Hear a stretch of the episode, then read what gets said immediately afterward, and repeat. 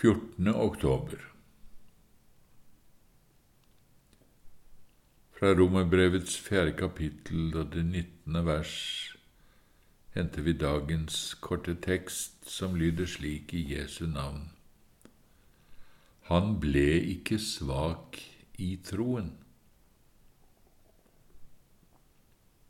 Rosenius skriver, ikke svak i troen. Dette er en vanlig måte å uttrykke det motsatte på, og sier oss altså at Abraham hadde en svært sterk tro.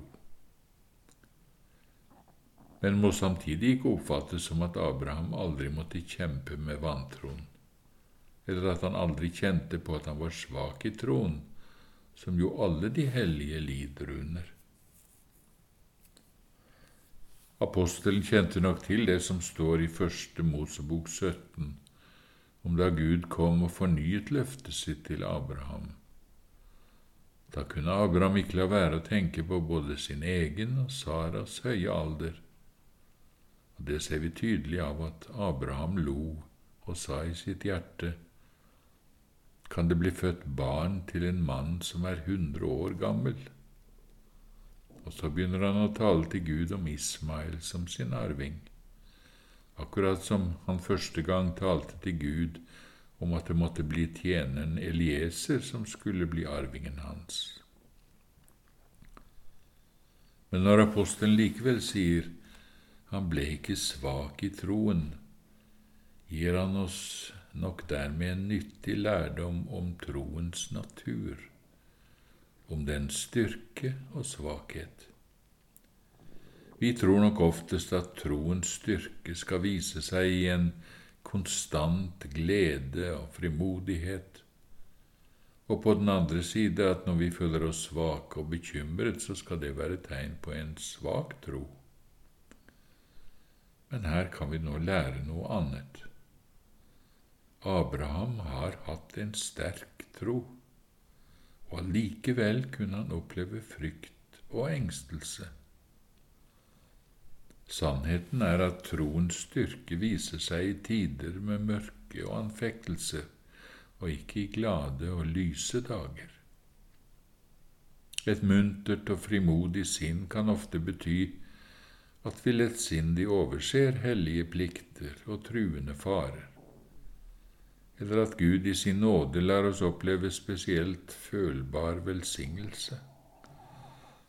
Men å holde fast på Herrens løfter, og på grunn av disse være frimodig og glad, selv når en ser klart problemene tårne seg opp, og all følbar nåde er borte, det er et tegn på en sterk tro.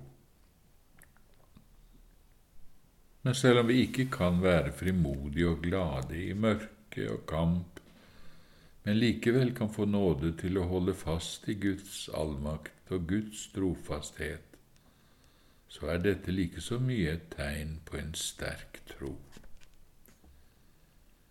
Når det blir sagt at Abraham ikke ble svak i troen, vil det si at han ved Guds kraft seiret i kampen mot sin fornuft som ville røve håpet fra ham.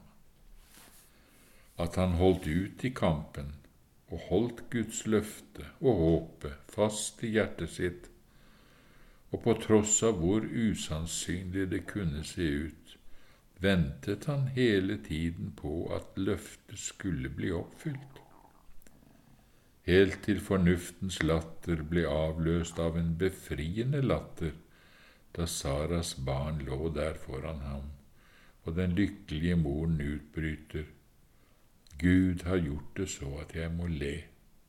Alle som hører dette, vil le av meg. Men apostelen fortsetter å utdype hva Abrahams trosstyrke viste seg i. Han sier han var ikke opptatt av sitt eget legeme som allerede var dødt, for han var snart hundre år, og heller ikke av Saras døde mors liv. Han hadde nok kjent på sitt halvdøde legeme og sine hundre år, Fienden og fornuften har nok minnet ham om Saras fruktbarhet, ufruktbarhet også. Men hans trosstyrke var at han ikke var opptatt av dette, ikke lot øynene sine stoppe opp ved disse nedslående tilstandene, ikke lot seg ta til fange av dette, selv om han nok måtte kjempe mot tankene, nettopp mot på disse murene. Han holdt alltid Guds allmakt og Guds sannferdighet opp som mot fornuftens innvendinger. Hans styrke var dette Gud har sagt det, Han som gjør de døde levende, og omtaler det som ikke finnes, som om det finnes. Gud har sagt det, Han som har skapt hele verden av intet, og han kan ikke lyve. Dette gjelder mer enn Abrahams og Saras utdødde legemer. Det var ikke på disse utdødde legemene, men på Guds allmakt og sannferdighet han trodde. Og for et herlig eksempel på tro måtte vi også snart lære å leve dette gudslivet i tro.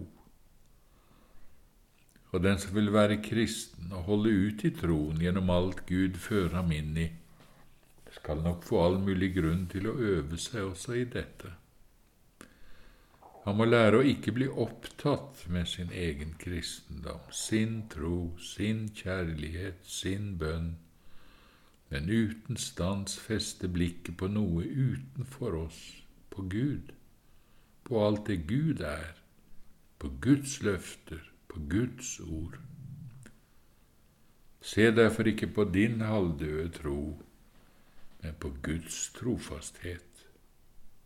Se ikke på din halvdøde kjærlighet, men på Kristi kjærlighet. Ikke på din kalde og skrøpelige bønn, men på Guds faste løfter. Ikke på din kraftløse strid i fristelser, men på Guds mektige kraft, Guds trofasthet, som ikke skal la dere fristes over evne. Men vær klar over at dette kommer ikke til å gå lettvint for seg. Det kreves en hard kamp for å døde fornuften, som stadig vil bygge på det vi selv er og gjør eller er i stand til. Derfor er det ingen tvil om at i dette spørsmålet har troen og fornuften stått hardt mot hverandre i Abrahams hjerte.